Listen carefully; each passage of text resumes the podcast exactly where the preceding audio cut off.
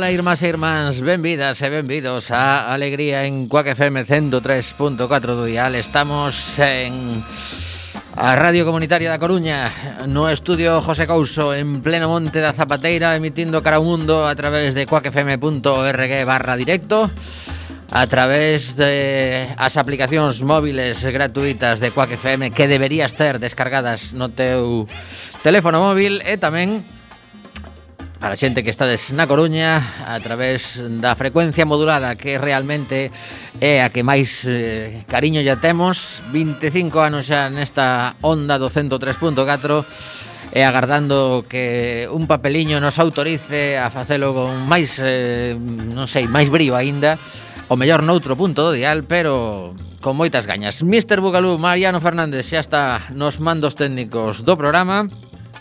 E Tomi Desastre no micro, hoxe tentando mentalizarse de que, con mascarilla, hai que ir máis a modo porque senón afogas, Tomi, mentalízate.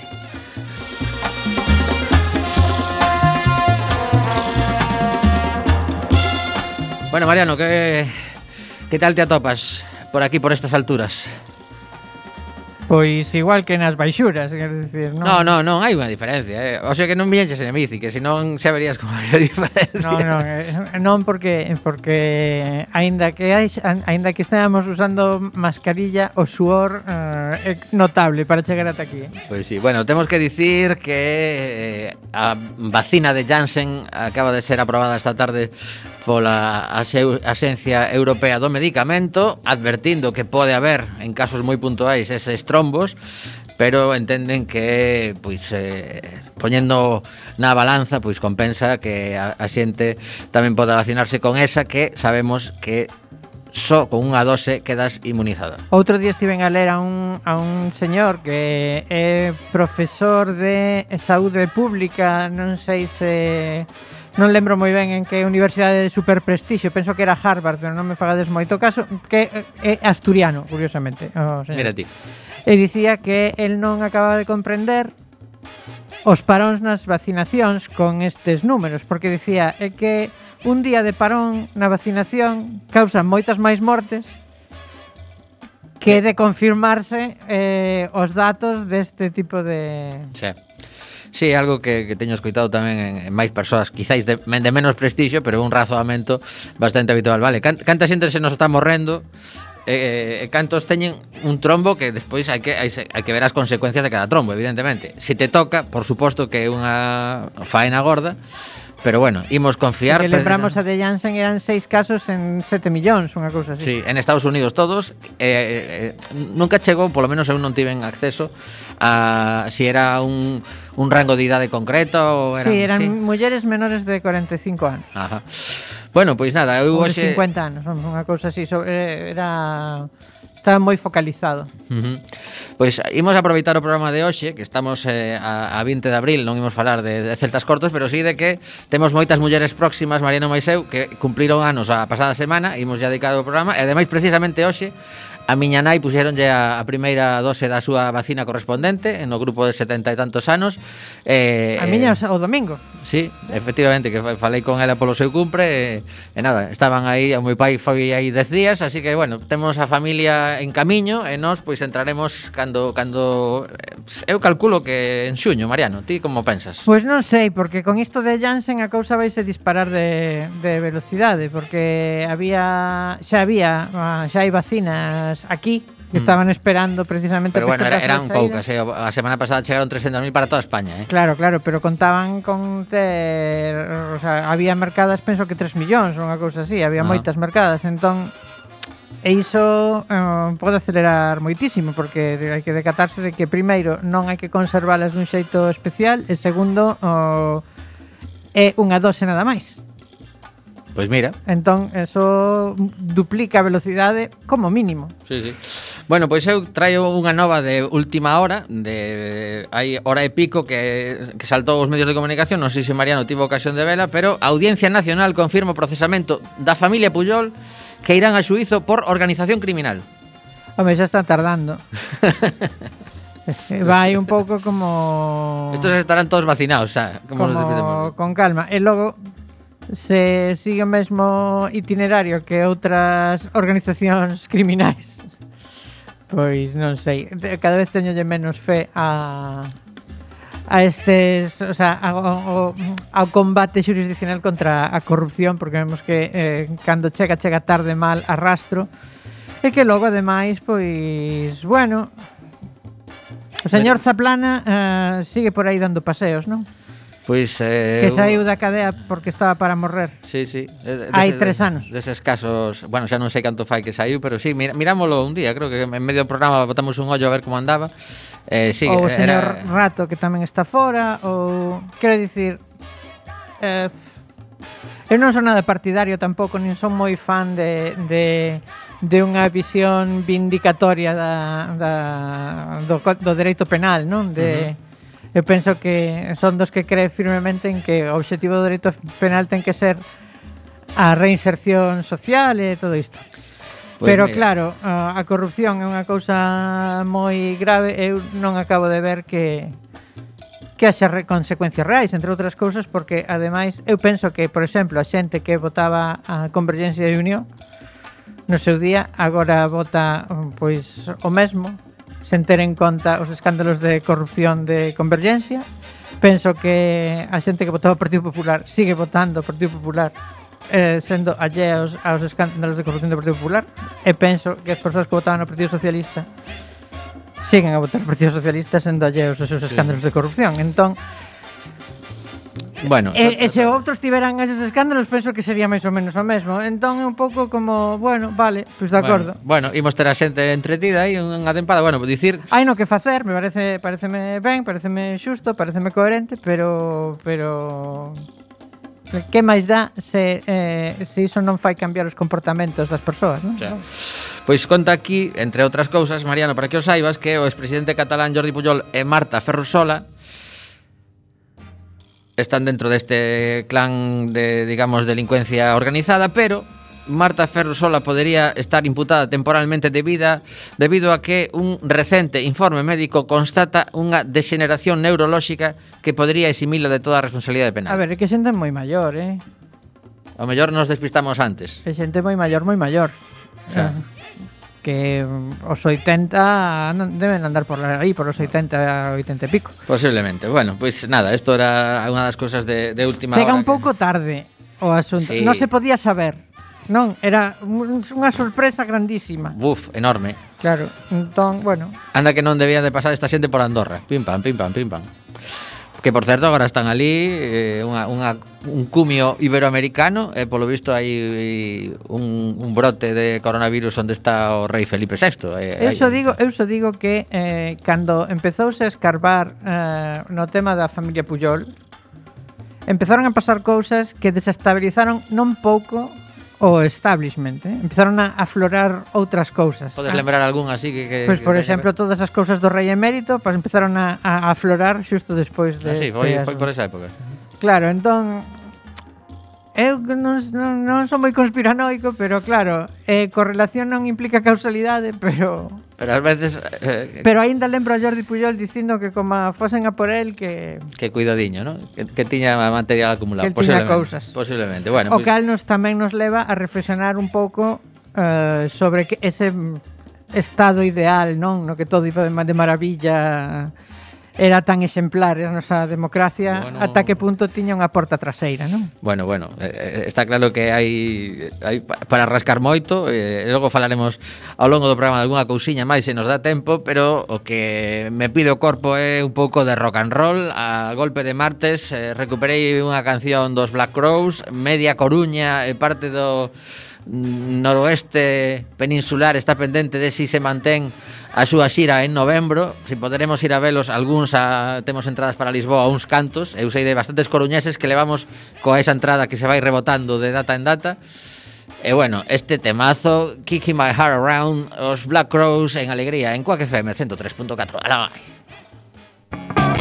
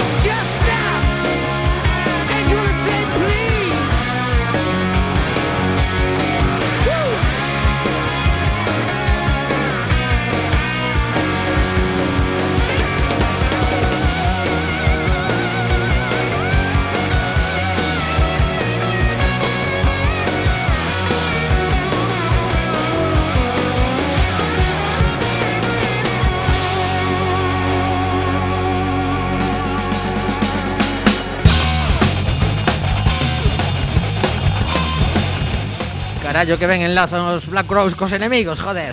Esto es rock and roll. El subidón. Me está pedindo corpo aquí poñendo a bailar. Bueno, Última hora, falece o presidente dos Estados Unidos nun combate contra rebeldes poucas horas despois de ser reelexido. E eh, Mariano está poñendo cara de Tomí me está vacilando. Efectivamente, só hai que cambiar o país no que morreu o presidente. Acabáramos. bueno, é que claro, eu cando estaba lendo esta nova, poñíame mm, en calquer país mm, occidental é que os noso presidente, Pedro Sánchez, o presidente de Estados Unidos, Joe Biden, estivesen aí cunhas metralletas na, na fronte contra os rebeldes dicindo eh, disparade, disparade, blum, aí me ven unha bala ou un cañonazo e me escaralla, non? Pois eso acaba de suceder onte mesmo no Chad. Falece o presidente do Chad na súa sexta reelección cun 79,3% dos votos e o tipo dixo... vale, vale, empezamos a sospechar. Bueno, eh, Mahamad Idris Devi, fillo do xefe de Estado falecido, faise co poder ao frente dunha xunta militar e anuncia a transición de 10 a 8 meses. Ui. Imolo tomar con calma. Bueno, hai que dicir que este home gañou as eleccións por aplastante maioría en vez de quedar na casa abanicándose, decidiu ir ao frente e pegar un pepinazo e moleu. A ver, eh. as eleccións que se gañan por un 75%, como, como queres que te explique? Eh... Bueno, aquí eh, o presidente da República, xefe do Estado, xefe supremo dos exércitos, Idris Deby Itno, acaba de falecer defendendo a integridade territorial do Chad no campo de batalla. Asegurou o texto que acaba de ser reelexido cun 79,32% dos votos, segundo anunciou a Comisión Electoral. Un país asediado constantemente por conflictos dende a súa independencia en 1960, o propio David chegou ao poder fai 31 anos eh, ao frente dunha rebelión. Vamos, que aí había de, de festa en festa de tiro porque me toca. Estes, estes eh, que estaban combatindo con el dixeron, bueno, pues un pouco de sorte, collemos o relevo, pero non. Aí estivo rápido o seu fillo, que decidiu que durante 12 a 8 meses ímolo tomar con calma para non montar outras eleccións, E, eh, bueno, eh, era, era unha das cousas que quería traer Así como mm, para que nos mentalicemos ata que punto África eh, Central é unha festa interesante. Uf, eso... eh, No chat, para que te fagas unha idea Hai máis de 200 etnias diferentes. Goberna ti iso Claro. Claro, iso, iso que pasa cando lle das un lápiz a un europeo tamén é certo. Que alía parda, non? Sí, sí. Porque calquera que cando estudábamos dicían aquí 300 km para baixo, ras. Agora 300 para dereita, ras. Eso era tremendo, eh? É o país número 130 en PIB do mundo. Bueno, pues mira. O sea, eh, moi eh, ben non lles vai tampouco, eh? Home, moi ben non, pero pero dirán eles, anda que non hai xente moito peor.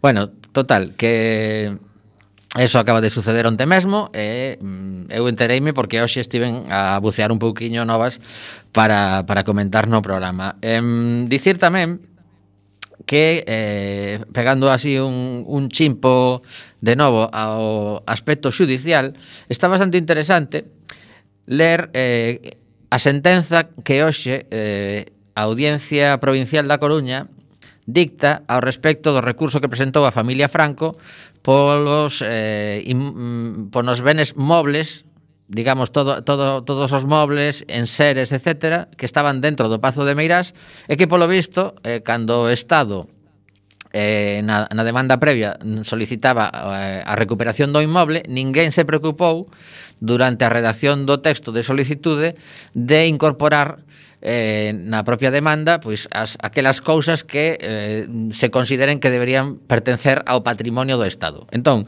a sentenza é bastante curiosa, vou ler algún parágrafo porque me chamou a atención os termos que utiliza eh, o redactor da mesma, pero hai que dicir unha cousa importante. Os magistrados derivan a un novo pleito a reclamación do mobiliario por parte da Abogacía do Estado. Isto é, como non pedixe, pedichedes nada, no seu momento falabades moito de recuperar o pazo, recuperar o pazo, e esqueceuse vos todo o que estaba dentro. E claro, a familia agora, eh, segundo esta sentenza, ten incluso dereito a unha indemnización polo tempo que non puido disfrutar diso. O sea, seguramente estarían debecendo por utilizar a, a baixela de prata ou de euro que teñan ali e o Estado, unha vez máis, decide que... Bueno, o Estado non, neste caso a Audiencia Provincial da Coruña. Bueno, é o Estado, é un dos órganos do Estado xudicial, eh? un dos poderes do Estado. Ben, correcto, sí, pero digamos que non, non é unha decisión non é unha decisión do goberno do goberno, sino que bueno, hai, hai eu entendo, por, imos, imos ler un pouco da, da sentenza porque é, é curiosa, xa verás.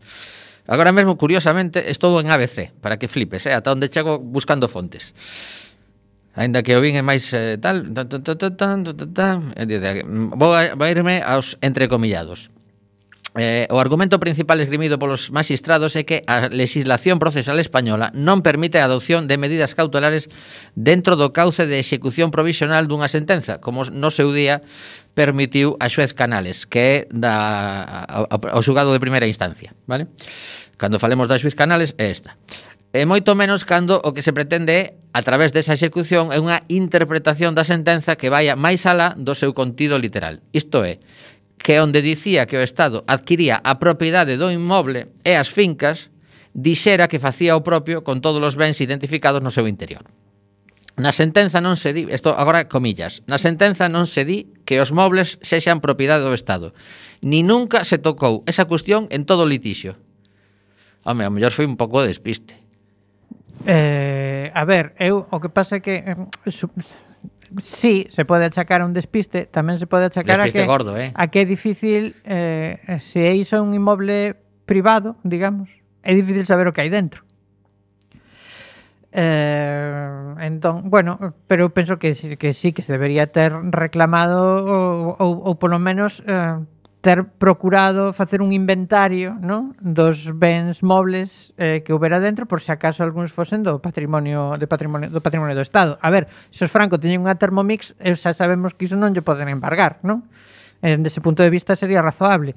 Outra cousa que teñan aí a biblioteca, por exemplo, de Emilia Pardo Bazán, que iso posible, con toda seguridade debería ser patrimonio do Estado. Claro, aí está o tema. Bueno, é evidente que o concepto de inmoble por incorporación nunca poderá extenderse a mesas, sillas, baixelas, alfombras ou cadros. A bens mobles, obviamente non, aí teñen razón. O sea, claro, claro, claro, nin polo tanto podería justificarse a súa apropiación polo Estado. No auto eh, repróchase A medida cautelar degenerou nunha incautación da totalidade dos menes mobles existentes no interior do Pazo a disposición da Administración Xeral do Estado sine die e ata que un futuro alcance de firmeza de resolución judicial o así dictase. Claro. Eh, ta, ta, ta, ta, ta, ta, que aínda non cheguei á parte esa que me gustou. De momento de, pareceme correcta a sentencia. Sí, sí, sí, que ten lógica, o sea, o, o triste de todo isto que que o lees e pues, pois, ata teñen razón, claro. Eh, o, o fallo recolle parágrafos moi duros contra a Suiza instancia e a propia abogacía do Estado. E di así, parece obligado recordar que España, vou, vou ler en castelán porque está en sentencia en castelán, comillas, parece obligado recordar que España, en la Constitución de 1978, se configura como un Estado social y democrático de derecho, siendo la igualdad ante la ley una de las características que diferencian a las democracias de los regímenes dictatoriales. Proclama, proclamada igualdad ante la ley que no solamente no distingue, sino que prohíbe distinguir, afeando así el trato dispensado a los francos. No caigamos en lo que decimos que rechazamos. Le sueltan a la juez. Uy. A verdade é que eu, se fose a Suiza, eh, ao mellor, incluso a, a abogada do Estado que lle tocou este caso, ao mellor estaba dicindo, caramba, eh, eh, estive un pouco fino. Sindo, fino. Sen, sendo cerdo, botase un pouco en falta semellante contundencia noutros casos. Ah, noutros sí, casos, claro, claro, claro, sí, sí. Aquí como que se viñeron un pouco arriba, non? Demais. Igual non era necesario. Esto, esto podemos mm, catalogar de ensañamento? Non. Bueno, pois nada, que agora o, o que corresponde Podemos eh, eh, catalogar de gustarse un pouco de máis. Eso aí aí estiveches ben. Bueno, pois nada, dicir que eh, o tema agora queda pendente de si o Estado decide eh, iniciar unha nova demanda. Debería. Para eh, pois eso que decía María, no, que se faga un inventariado de todo o que hai ali dentro antes de que saquen nada e a partir dese inventariado decidir o que é patrimonio do Estado e o que é dos franco que o leven porque porque lles corresponde que aínda está pendente tamén o tema, non sei se se chegou a, a facer unha eh, si se recurriu o tema da indemnización aquela. Está recurrido, sí? Vale. Bueno, pois pues, eh, continuamos porque isto de algún xeito mm, vou hilando aquí unha serie de cousas e resulta que temos dúas novas que teñen, a pasa que teño tantas aquí destacadas que a ver si a ver se si as atopo rápido, porque veñen a conta do tema da vivenda. Estamos a falar de un, un, un pazo enorme que, que chegou a esta xente como chegou, pero agora imos falar de vivendas e do orzamento que ten a Xunta de Galicia adicado a este tema. Eh, contovos, estamos en praza.gal. O Instituto de Vivenda da Xunta deixouse en gastar 19,5 millóns de euros en 2020, o que supón máis da quinta parte do seu orzamento cando estamos a falar de algo que repetidamente se non lle fan falla ninguén as, as vivendas, todo claro, o mundo sabe. Aí está, aí está, ese é o tema, para total 19,5 millóns para queda, para pff, Vas falar sei. das declaracións da conselleira? Non, aínda non, pero despois Pero eh, está, o tes previsto. Non. Porque van, pois van moi ao fío, porque vale. esta semana a conselleira de vivenda uh -huh. ou bueno, perdón, esta semana non, que estamos a martes, a semana pasada. Eh, fixo unhas declaracións eh, nas que eh, dicía, o sea, pedía o endurecemento do Código Penal para as usurpacións de vivenda, uh -huh. porque dicía que non ten sentido uh, que eh, sexa maior o castigo penal por roubar un móvil que por usurpar unha vivenda, non? Primeiro, a conselleira non ten ningunha competencia sobre iso. O sea, o cambio do Código Penal correspondelle ao Congreso bueno, dos pero, Deputados. Pero ten dereito a opinar, eso sí. Sí. Bueno. Eh, segundo, se, se tivese algún tipo de coñecemento xurídico, debería saber que o Código Penal o se, rexese por un principio que é o do ben xurídico protegido.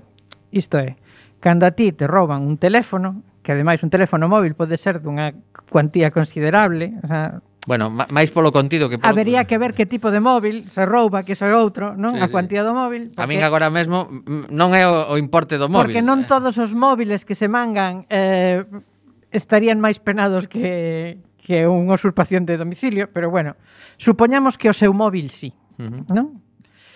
Eh, cando a ti te rouban un móvil, eh, quítante a propiedade. Vale?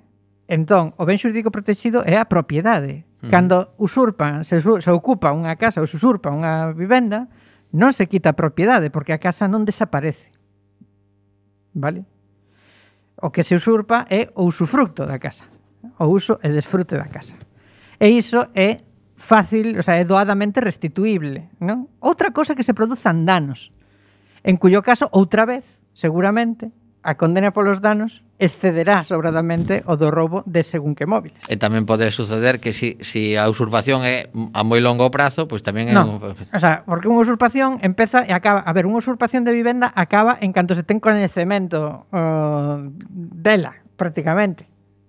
Outra cousa é unha, é un, é unha, un, é unha usurpación, bueno, unha usurpación de vivenda habitual digamos, remata, o sea, isto, esta, esta cousa que se lle mete medo a xente con que ti pasáis a comprar o pan e cando volves te ocupas na casa, iso eh, solucionase no mesmo día.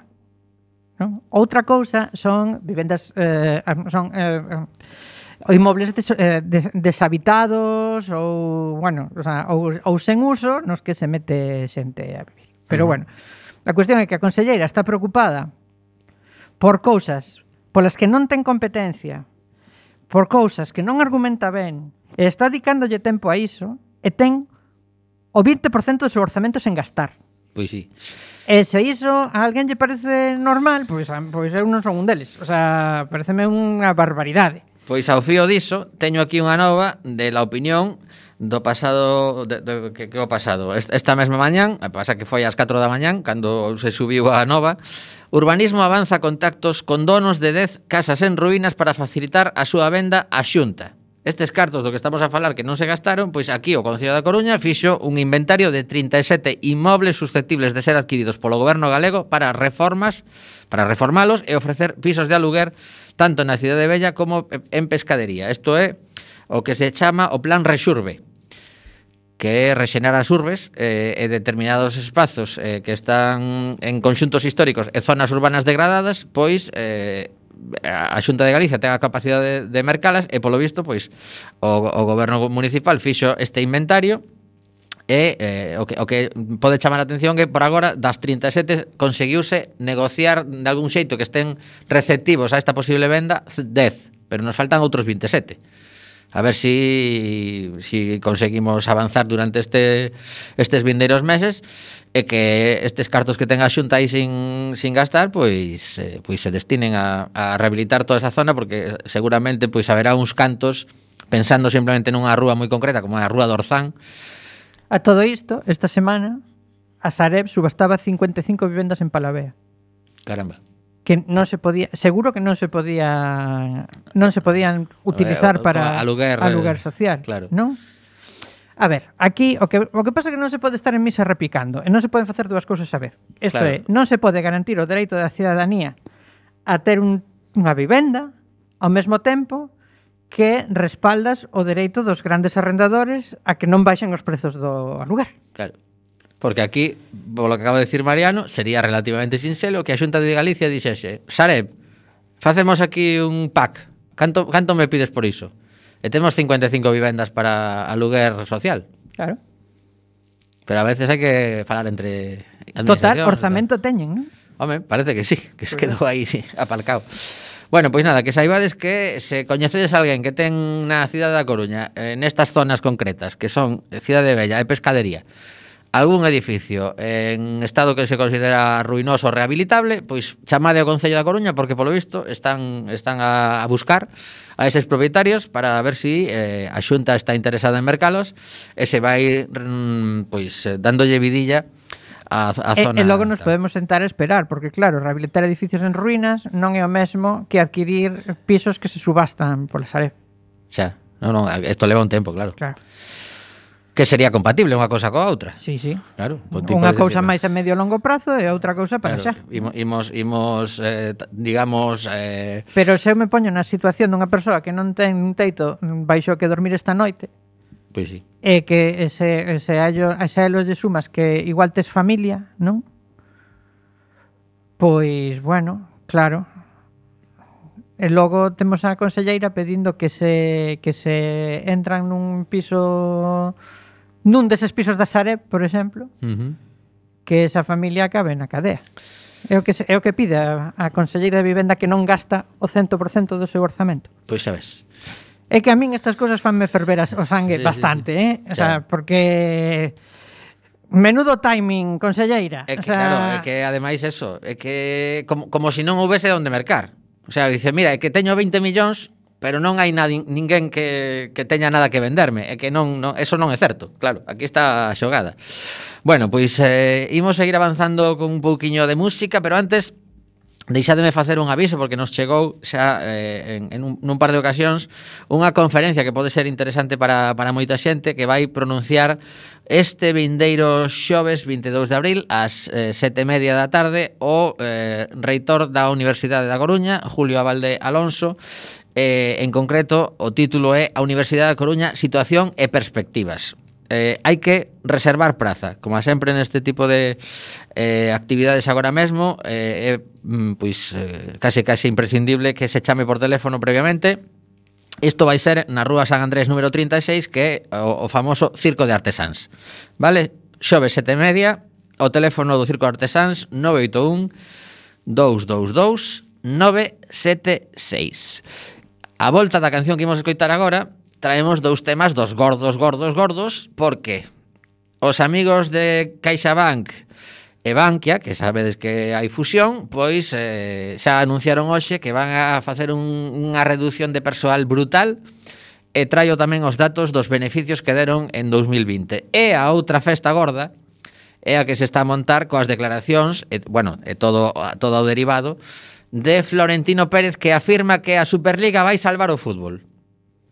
Menudo fenómeno. Bueno, pois eh, escoitamos a unha muller que sí que é unha fenómena, chamase Mabel Flores, eh, vai estar este sábado en Oleiros, en, San, en concreto na auditoria da fábrica en Santa Cristina, inaugurando o cuarto ciclo Elas son artistas, o prezo da entrada son 3,5 euros, veñen catro artistas dende Barcelona, así que votade contas se si compensa ou non, E Mabel Flores canta Mujer Incendio, entre outras moitos temas chulísimos. Mabel Flores, Alegría.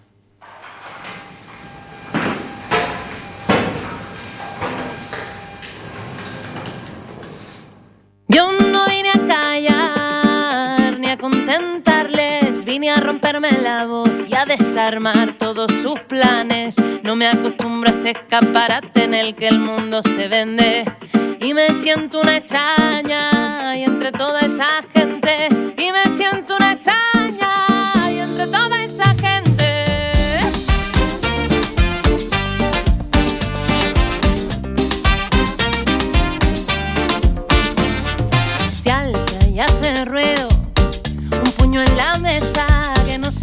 con un sin futuro en el que se valora más la imagen y la apariencia que el talento de las personas. Ya las canciones machistas las premian con Grammy y les colocan la alfombra. Ya las canciones machistas les colocan la alfombra.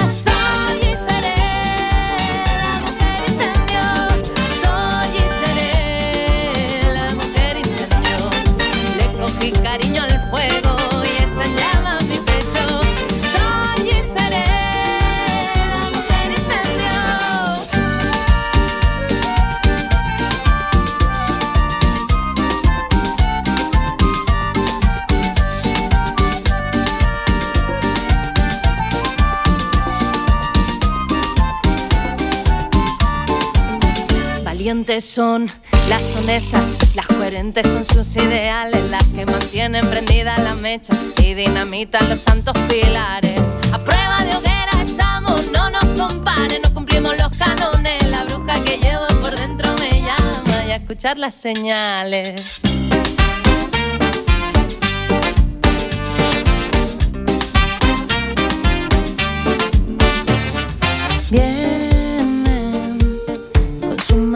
De parto juran que no quieren hacer daño, niegan lo evidente si se sienten señalados y por amar a sus madres ya se sienten aliados. No, oh, oh, oh. no hemos venido a alegrarles la vista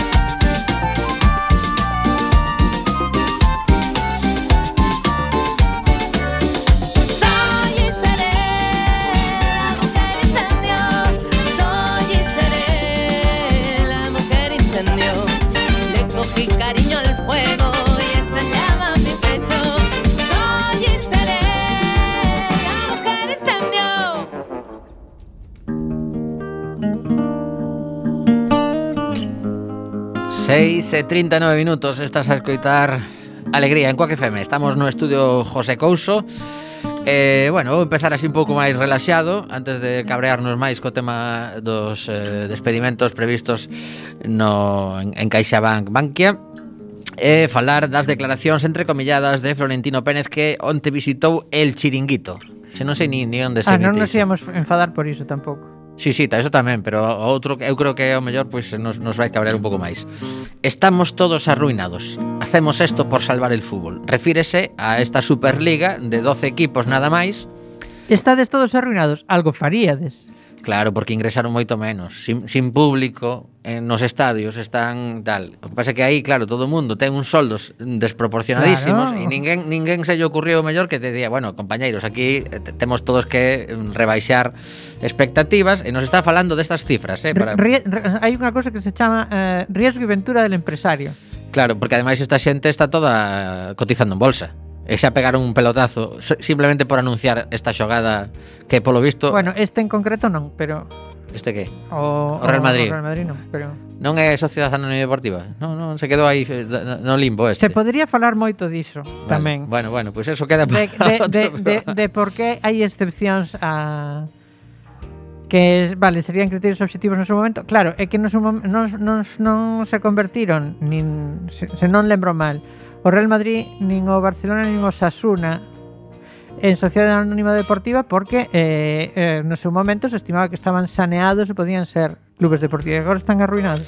Pois pues di, aquí, mira, eh, no caso do Real Madrid, Pérez asegurou en que... En calquera cousa, o fútbol vai moito máis aló do Real Madrid que eu saiba. En todo caso dirá, pois imos salvar o Real Madrid, pero... Imos salvar a es, cuenta... estes 12 clubes, porque o ah. resto... Eh, claro, eu que, eh, a, a miña proposta de titular era Florentino Pérez o Robin Hood do fútbol. Robin Hood sí. Claro, porque eh, eu leo ese titular e digo, carallo, o que vai facer este home é coller cartos para a Superliga e, e darllos a, ao sin querer, da Coruña vai repartir a todo o mundo. Sí, fixo que sí. Claro, porque seguramente os clubes modestos eh, non tiveron ningún tipo de problemas cos patrocinadores de toda a súa vida que lles llevaban aportando cartos e como non están en crise, pois eh, o Bar Manolo que ao mellor pagaba a publicidade das camisetas sigue poñendo cartos aí como campeóns. Bueno, pois aquí nos falan das cifras eh, que estamos a manexar e de aquí. Eh, O Real Madrid o ano pasado tiñamos un orzamento de 800 millóns e terminamos con 700. Oi, que drama, eh? É tremendo. Unha cousa terrible. É que a xente está chorando ali no Bernabéu, sí, sí. agora mesmo.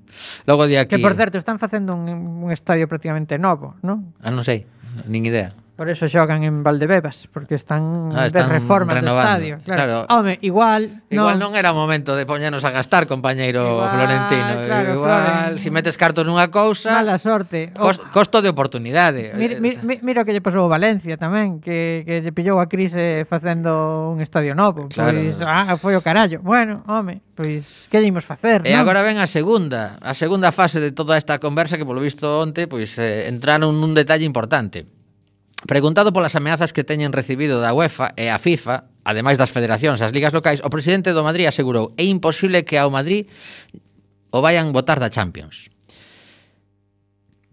Quere chegar a un acordo coa UEFA, aínda que non podan comezar este verán e que o proxecto faise para salvar o fútbol. Eu cos prusianos Pouca broma, eh?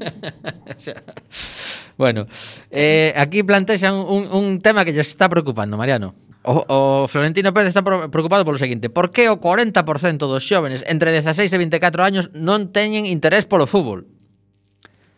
Porque hai moitos partidos de escasa calidade e teñen outras plataformas onde distraerse. Claro, porque son todos do Madrid. Claro, e aparte só xogan ben o Madrid, os 12 equipos. E o problema é que o Madrid xogue co, eu que sei, co Eibar.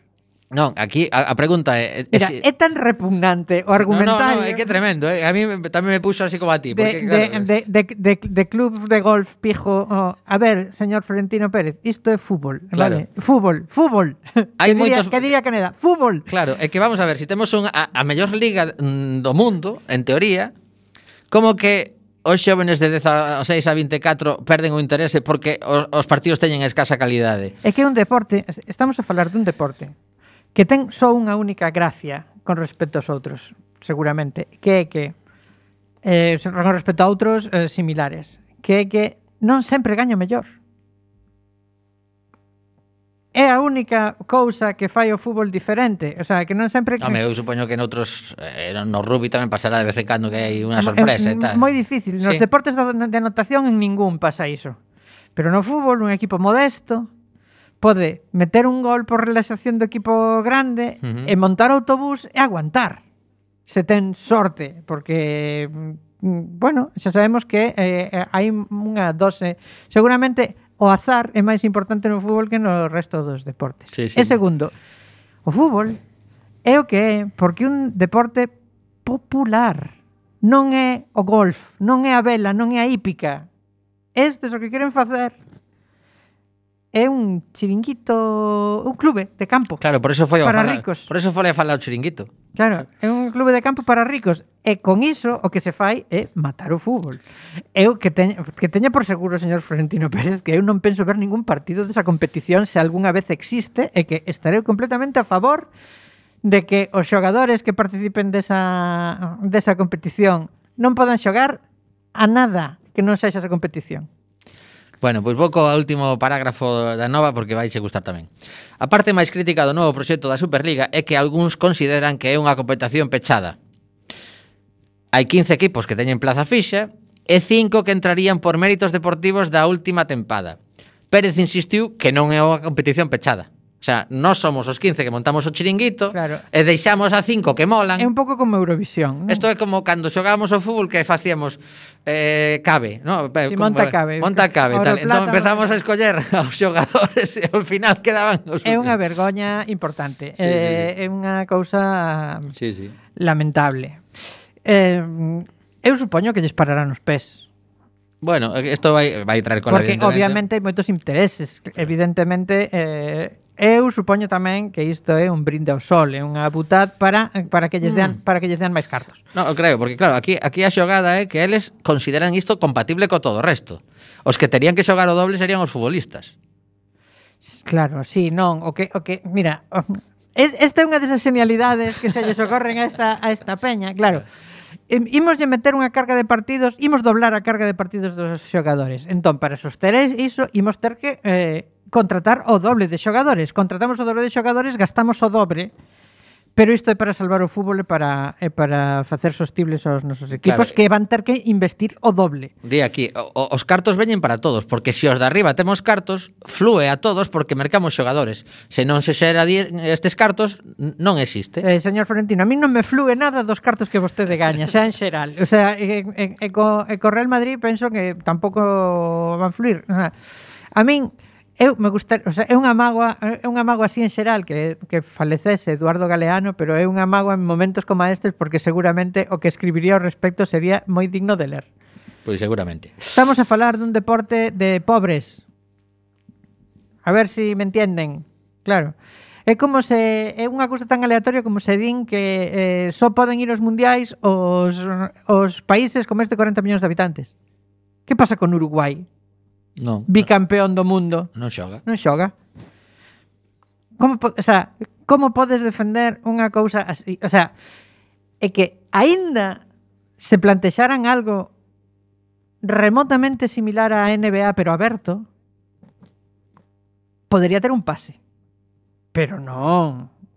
Non, facilmente. Imagínate, imagínate o... draftear aos xogadores, xa, xa, vale? Xa, xa. Imagínate iso. Bu, que fallón. Esta xente ter que ter, ter que renunciar aos mellores xogadores que saen, non poder andar rapiñando polos cinco continentes, mercando rapaces eh, menores de idade. Eh, odio eterno o fútbol moderno, sí, sí, camaradas. Sí. Non, eu estaba falando aquí precisamente, bueno, eu, de feito, fume desenganchando fai bastante tempo do fútbol, estaba pensando que pensaría eh, o varón de ten con ese espírito olímpico. Sí, morría dos. Pero bueno, xa, xa hai tempo por moitas cousas, non? Bueno, por moitos deportes. Pois pues sí. Pero quero dicir, o é que é que eh, non podes facer co fútbol o que pasa con outros deportes. E logo hai outra cousa que me parece eh, igual de mal e incluso aínda peor que é a venda que se está facendo dos medios de comunicación desta uh, inmundicia, eh? Bueno, porque están incluso dicindo que isto é a plasmación do espírito europeo, pero que me estás contando? Pois agarda que isto é para pechar xa pola miña parte, se queres decir algo máis adiante. Esta mañá o meu despertador soa, vale? E teño a cadena SER que é a radio, non, non é non soa pi pi pi pi, pi non, xa é a cadena SER. Bueno, e ao cabo duns minutos, hoxe imos ter ás nove e media ou ás oito e media, xa non sei que hora era, ao ministro de Cultura Educa eh, eh, perdón, Cultura e Deporte. Bueno, máis listo da clase. Claro, e dixen, "Joder, van falar de cultura". Non, non, era por este tema. Eso foi un golpe na mesa que din así con Claro que sí. Claro que sí. o sea, anda que non levamos os da cultura. A cultura que lle importa, home. Claro. Bueno, total, flipei. Xa, evidentemente xa cortei a, a emisión e non, non escoitei nada do ministro porque me ia poñer de mala leite. Pero bueno, imos cos últimos minutos do programa dedicados a CaixaBank e o tixeretazo ao emprego. Según os datos que, maneza, que manexa a Comisión Sobreiras, o despido afectará aproximadamente a 8.219 persoas en toda España, o que implica eh, para Galicia, está calculado que sería un, en torno a 100 persoas, un 12% da plantilla, porque hai que lembrar que aquí Pero non, non quedamos en que isto era unha grande operación para Home, o país, pero, pero, que ia eh, ser unha maravilla. Bueno, que... que por certo están outros bancos tamén, están BBVA tamén está con recortes, etcétera, etcétera. Que ia ser etcétera. todo avantaxes, que ia ser todo guai. No, porque o que está clarísimo é que sempre que se concentran os bancos nos cargan máis comisións, matemático. Van, van chegando comisións por todas partes para os clientes porque casi casi te, te van deixando sin opcións e ao final pois din os que casi non teñan comisión di bueno, pois veña, meto un pouquiño. Agora mesmo tamén eh, a, a conta de Quack FM dende fai tres meses cada transferencia dous pavos. Bueno, aquí eu penso que hai un, un problema do que se fala bastante pouco eh, e que con, e que leva todos estes movimentos de concentración e por tanto cada vez que hai unha concentración hai unha perda de empregos que bueno, que no caso das institucións financeiras como estas igual moitas delas eran prexubilacións, que a ver como fan esas prexubilacións, a ver a quen encasquetan os gastos desas prexubilacións. Claro, mira, mira o que está dicindo o ministro, que non se lle ocurre a ninguén prexubilar xente porque estamos co tema das pensións temblando. Claro. Esta xente que pensa facer? A ver, por eso digo, claro. que a ver, a ver que. Pero o oh, todo isto se debe a que eh, non sei se alguén se decatou porque non se fala demasiado a miúder, pero a economía está en coma e leva así pero moitísimos anos xa. Só hai que preguntarse a canto están os tipos de interés. É, é porque os tipos de interés ao 0% que temos agora mesmo é o equivalente para a economía a estar intubado nunha UCI eh, con toda con toda canta artillería teñen para manterte con vida. E o enfermo non reacciona nin así. Co cal, eu mm, diría que eh, está faltando un pouco de creatividade e de decatarse sobre todo de que, de que o paradigma económico non está funcionando.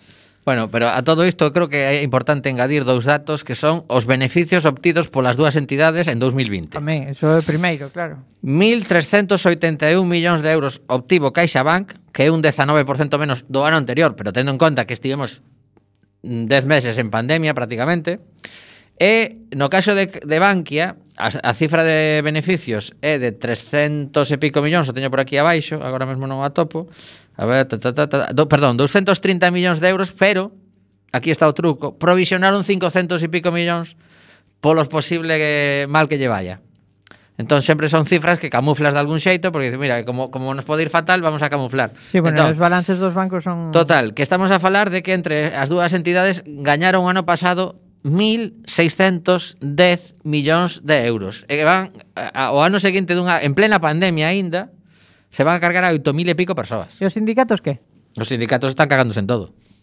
Home, non, era, non eras en tempo tampouco, O sea, o, outra cousa que lles fagan caso é que digan, bueno, eh, aparte normalmente neste, neste tipo de cousas empezase cunha cifra altísima, 8.000 non sei canto, ao final despiden a 5.000 e dice salvamos 3.000 empregos. Eu penso que son dúas cousas parecidas, eu estou parecido de Florentino Pérez, non? É unha barbaridade para logo ir ne intentar negociar claro, non? a baixo. Re reculamos un pouco, buscamos unha fórmula mixta, os, os seis mellores da Champions rebotan e non sei que, tal. Bueno, claro. pois, pois aquí pois haberá unha negociación dando, dando por feito que, que sí, que se pode despedir a, a miles de persoas eh, nestas circunstancias e dando estes beneficios, porque aquí a, o tema é ese. E Compañeiros, a loro que todo isto está pasando, eh? Cun goberno social comunista Imagínate, imagínate. Eh? que me río yo de los peces de colores, ¿no? O sea, Bueno, pois pues nada, eh, Impresionante. Esto se nos escapa das mans, quero dicir alegría porque están Alegría, piques de... alegría on fire, colérica. Oño, oh, no, hoxe, hoxe liberamos. Estiven a piques de conseguir unha, unha entrevista interesante, pero non puido ser para o programa de hoxe, así que a ver se si a vindeira semana posiblemente Pois, pois sorte que tipo, porque co día que temos igual cobra tamén. Bueno, apoñei ao principio para despois xa xa nos liberábamos aquí. Bueno, que quedades eh, na compañía dos compañeiros de Recendo, sabedes que de 7 a 8 da tarde sempre teñen cousas moi interesantes artes adicadas á cultura galega. E nos retornaremos o vindeiro martes, que xa será, se non me equivoco, 27 de abril, outro mes que se nos escapa, eh, a poucos días, case case, vemos aí a, na lontananza o fin do estado de alarma, que pasará? Que esa vai ser outra, eh? eh? Who knows? Claro, porque unha vez que se acaba o estado de alarma cambian moitas cousas, eh? eh? Incluso a nivel de indemnización, se si obligas a negocios xa falaremos, xa falaremos diso, xa falaremos diso e de, e de do, do mala que é a idea de tentar eh, que se podan restringir dereitos fundamentais con legislación ordinaria. Por aí vai a cousa. Que é o que non paran de pedir dende según que sitios. Vaya lío. Bueno, ata a vender semana. Alegría. Chao.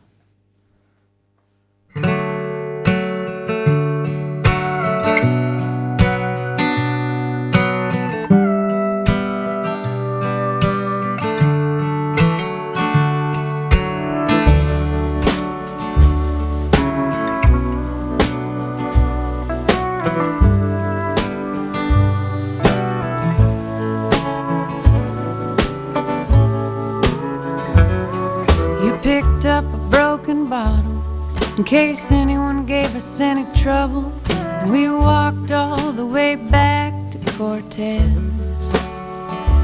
You sang, Help me, dear doctor, at the top of your lungs. You'd been soaking up drink like a sponge. Little boy down the street, we all heard you mournfully call for a bird.